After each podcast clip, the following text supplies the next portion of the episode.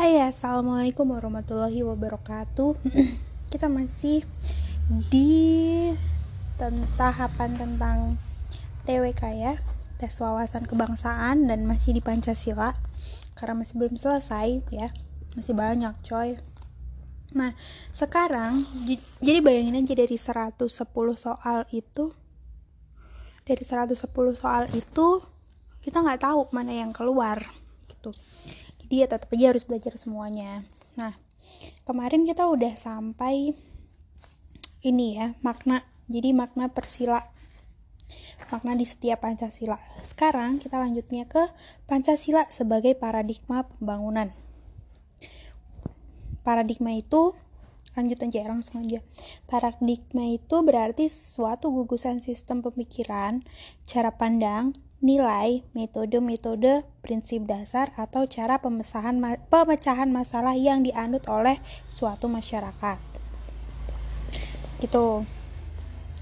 Pancasila sebagai paradigma eh, Pancasila sebagai paradigma pembangunan berarti bahwa Pancasila itu berisi anggapan-anggapan dasar yang merupakan kerangka keyakinan yang berfungsi sebagai acuan, pedoman dalam perencanaan, pelaksanaan, pengawasan, dan pemanfaatan hasil-hasil pembangunan nasional. Adapun paradigma pembangunan adalah sebagai berikut. Yang pertama, pembangunan tidak boleh bersifat pragmatis. Pragmatis itu apa? Pragmatis itu ya pembangunan itu nggak hanya mementingkan tindakan nyata dan mengabaikan pertimbangan etis. Jadi itu harus uh, antara tindakan nyata sama uh, kebudayaan tuh harus seimbang gitu sama adat istiadat gitu harus seimbang gitu. Yang kedua, pembangunan tidak boleh bersifat ideologis, yaitu pembangunan tidak boleh secara mutlak melayani ideologi melayani ideologi tertentu dan mengabaikan manusia nyata. Yang ketiga, Pembangunan harus menghormati hak asasi manusia, yaitu pembangunan nggak boleh mengorbankan manusia nyata, melainkan menghormati harkat dan martabat bangsa. 4. Pembangunan dilaksanakan secara demokratis. Artinya, pembangunan melibatkan masyarakat sebagai tujuan pembangunan dalam pengambilan keputusan dan menyangkut kebutuhan mereka. Gitu. Yang kelima, pembangunan diprioritaskan pada penciptaan taraf minimum keadilan sosial, yaitu mengutamakan mereka yang paling lemah untuk menghapuskan kemiskinan struktural. Kemiskinan struktural adalah kemiskinan yang timbul bukan akibat malasnya individu atau warga negara, melainkan diakibatkan dengan adanya struktur-struktur sosial yang tidak adil. Wah harusnya tuh anggota DPR tuh sebelum jadi anggota DPR mereka harus tes wawasan kebangsaan ya penting banget gitu. Nah pembangunan nasional merupakan upaya kan merupakan upaya untuk meningkatkan harkat dan martabat manusia yang terdiri dari aspek jiwa, raga, pribadi, sosial, dan aspek ketuhanan. Pembangunan manusia Pembangunan nasional merupakan upaya dalam peningkatan manusia secara totalitas. Pembangunan sosial wajib mengembangkan harkat martabat manusia secara keseluruhan sehingga pembangunan dilaksanakan dari berbagai bidang mencakup seluruh aspek kehidupan manusia. Nah, ini adalah aspek-aspek yang ada di Pancasila. Yang pertama, Pancasila sebagai paradigma pembangunan kehidupan umat beragama. Indonesia itu kan merupakan negara majemuk yang punya enam agama. Jadi enam agama yang diakui secara resmi ya oleh pemerintah. Nah, dalam sistem pendidikan agama di Indonesia harus mendukung peserta didik untuk memiliki pandangan yang luas tentang pemahaman keagamaannya, memiliki kemampuan menghayati nilai-nilai kemanusiaan yang adil dan beradab, memiliki rasa toleransi terhadap umat agama lain, memiliki kepakaan terhadap masalah-masalah sosial. Kemarin waktu itu ada isu katanya e, pendidikan agama itu mau dihapus ya di kurikulum sekolah katanya gitu. Gawat ya kalau misalnya sampai dihapus beneran sih. nggak masuk akal kalau misalnya sampai dihapus berarti udah melanggar Pancasila Oke, yang kedua, Pancasila sebagai paradigma pembangunan ekonomi. Indonesia itu kan menganut ekonomi Pancasila.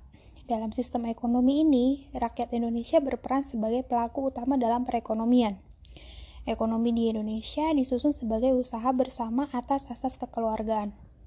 Oleh karena itu, pembangunan ekonomi di Indonesia harus menghindari persaingan bebas, monopoli, ketidakadilan, dan penindasan. Lanjut ketiga, Pancasila sebagai paradigma pembangunan hukum. Indonesia merupakan negara yang berdasarkan oleh hukum. Konstitusi yang ada di Indonesia dikelompokkan dalam tiga materi konstitusi, yaitu adanya perlindungan terhadap hak asasi manusia, adanya susunan ketatanegaraan yang mendasar, adanya pembagian dan pembatasan tugas-tugas ketatanegaraan. Oke, poin keempat, Pancasila sebagai paradigma pembangunan sosial budaya. Pancasila pada hakikatnya itu kan bersifat humanistik karena sejatinya Pancasila itu berasal dari hakikat dan kedudukan kodrat manusia itu sendiri. Hal ini seperti yang tertuang dalam sila kemanusiaan yang adil dan beradab, pembangunan sosial budaya harus mampu meningkatkan harkat dan martabat manusia, yaitu menjadi manusia yang berbudaya dan beradab. Pembangunan sosial budaya yang menghasilkan manusia-manusia biadab, kejam, brutal, dan bersifat anarkis jelas bertentangan dengan cita-cita menjadi manusia adil dan beradab. Sekarang banyak banget ya. Begal juga masih di mana-mana. Oke, selanjutnya, manusia tidak cukup sebagai manusia secara fisik, tetapi harus mampu meningkatkan derajat kemanusiaannya. Manusia itu harus dapat mengembangkan dirinya dari tingkat homo menjadi human. Berdasar sila persatuan Indonesia, pembangunan sosial budaya dikembangkan atas dasar penghargaan terhadap nilai sosial dan budaya-budaya yang beragam di seluruh wilayah Nusantara menuju pada tercapainya rasa persatuan Indonesia. Nah, ini uh, yang kelima, Pancasila sebagai paradigma pembangunan sosial politik. Manusia Indonesia selaku warga negara harus ditempatkan sebagai subjek atau pelaku politik, bukan sekadar objek politik. Pembangunan politik harus dapat meningkatkan harkat dan martabat manusia. Wah, Indonesia tuh udah kacau lah Pancasilanya. Sistem politik Indonesia yang berasal dari manusia sebagai subjek harus mampu menempatkan kekuasaan tertinggi pada rakyat. Sistem politik Indonesia yang sesuai dengan Pancasila sebagai paradigma adalah sistem politik demokrasi, bukan otoriter. Sistem politik Indonesia berkembang eh dikembangkan atas asas kerakyatan yaitu ada sila keempat ya. Perilaku politik baik dari warga maupun penyelenggara negara dikembangkan atas dasar moral tersebut sehingga menghasilkan perilaku politik yang santun dan bermoral bermoral. Lanjut kita ke lambang Pancasila. Kata Pancasila itu dari bahasa Sanskerta ya, artinya lima. Panca itu artinya lima dan sila itu artinya dasar. Jadi lima dasar. Pancasila itu memiliki arti lima dasar kehidupan berbangsa dan bernegara bagi seluruh rakyat Indonesia.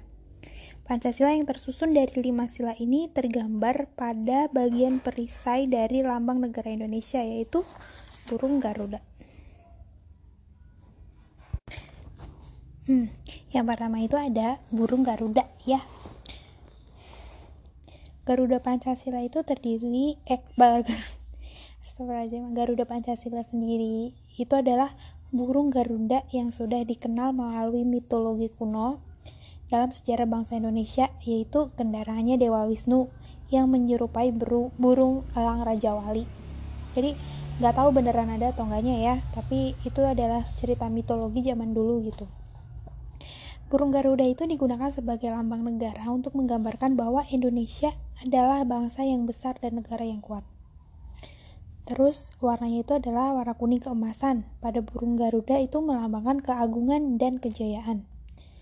Garuda memiliki paruh, sayap, ekor, dan cakar yang melambangkan kekuatan dan tenaga pembangunan. Jumlah bulu Garuda itu melambangkan hari proklama, proklamasi kemerdekaan Indonesia yaitu 17 Agustus 1945 17 8 1945 jadi 17 helai pada masing-masing sayap kanan kiri 8 helai bulu pada ekor ya di bawah terus 19 eh, helai bulu di bawah perisai atau pada pangkal ekor terus 45-nya itu ada di leher. Selanjutnya perisai merupakan tameng yang telah lama dikenal dalam budaya dan peradaban Nusantara sebagai senjata untuk melindungi pertahanan dan perjuangan diri untuk mencapai tujuan. Nah, di tengah perisainya ini terdapat sebuah garis hitam tebal yang menggambarkan garis katulistiwa. Hal tersebut mencerminkan letak Indonesia yang dilintasi garis katulistiwa. Pada perisai terdapat lima buah ruang yang mewujudkan dasar negara Pancasila, yaitu bintang melambangkan sila ketuhanan yang Maha Esa, sila pertama yang di tengah ya. Yang kedua, rantai. Rantai itu melambangkan sila kemanusiaan yang adil dan beradab, sila kedua. Yang ketiga itu adalah pohon beringin. Pohon beringin itu melambangkan sila ketiga persatuan Indonesia. Yang keempat, kepala banteng itu melambangkan sila kerakyatan yang dipimpin oleh hikmat kebijaksanaan dalam permusyawaratan dan perwakilan atau sila keempat. Nah, yang kelima, padi dan kapas itu melambangkan sila keadilan sosial bagi seluruh rakyat Indonesia. Ingat ya, banteng, eh banteng, bintang itu sila pertama, rantai sila kedua, pohon beringin sila ketiga, banteng sila keempat, padi dan kapas sila kelima. Oke. Warna dasar pada ruang perisai merupakan uh, warna negara Indonesia yaitu merah putih dan pada bagian tengahnya memiliki warna dasar hitam. Yang ketiga, pita bertuliskan semboyan Bhinneka Tunggal Ika. Kan kedua cakar si burung Garuda itu mencekram sehelai pita ya, tulisannya itu ada Bhinneka Tunggal Ika. Tulisannya warna hitam. Bhinneka Tunggal Ika itu adalah semboyan uh, dari kutipan kitab Sota Soma karya Emputan Tular. Bineka itu artinya berbeda-beda, sedangkan kata tunggal itu berarti satu. Gitu. Kalau ika artinya itu itu. Jadi secara harfiah bineka tunggal ika itu diterjemahkan beraneka satu itu gitu.